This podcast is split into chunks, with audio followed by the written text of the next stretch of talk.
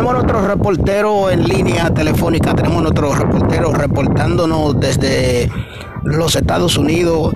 Vamos, vamos, vamos a ver qué, qué, nos dice él desde la calle de los Estados, desde una de las calles de los Estados Unidos en New Jersey, allá en los Estados Unidos. Vamos a hacer contacto con nuestro reportero en este momento.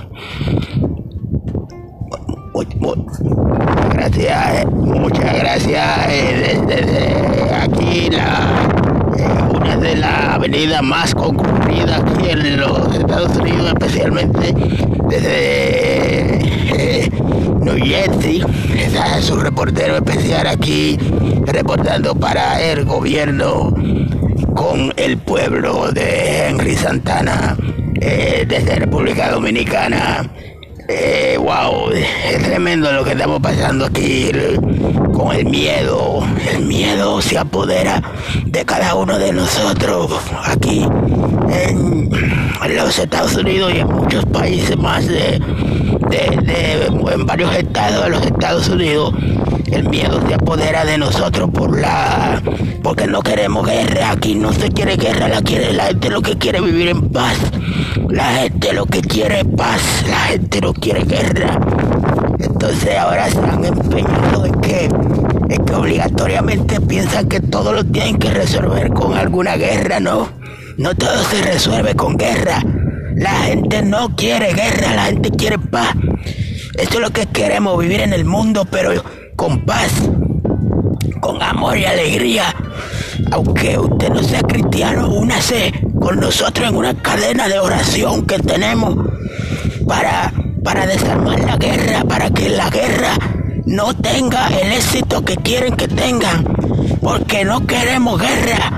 Nosotros estamos aquí desde, desde una de las calles más concurridas aquí en New Jersey, los Estados Unidos, reportando para el programa de Henry Santana, el programa más oído y más visto, eh, que lo transmitimos también por Spotify.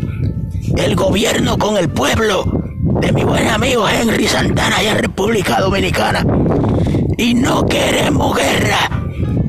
Hacemos un llamado a todos a que se una con nosotros para hacer una cadena de oraciones, una cadena fuertemente de oraciones, para que con las horas, por medio de las oraciones, Dios nos ayude a combatir y a que la guerra se, termine ya. Porque que tenemos que vivir en paz en esta tierra.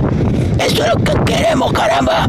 Mucha paz y armonía en este, en, este 2022. Muchas gracias para el programa de mi buen amigo Henry Santana allá en República Dominicana. Eh, el gobierno con el pueblo.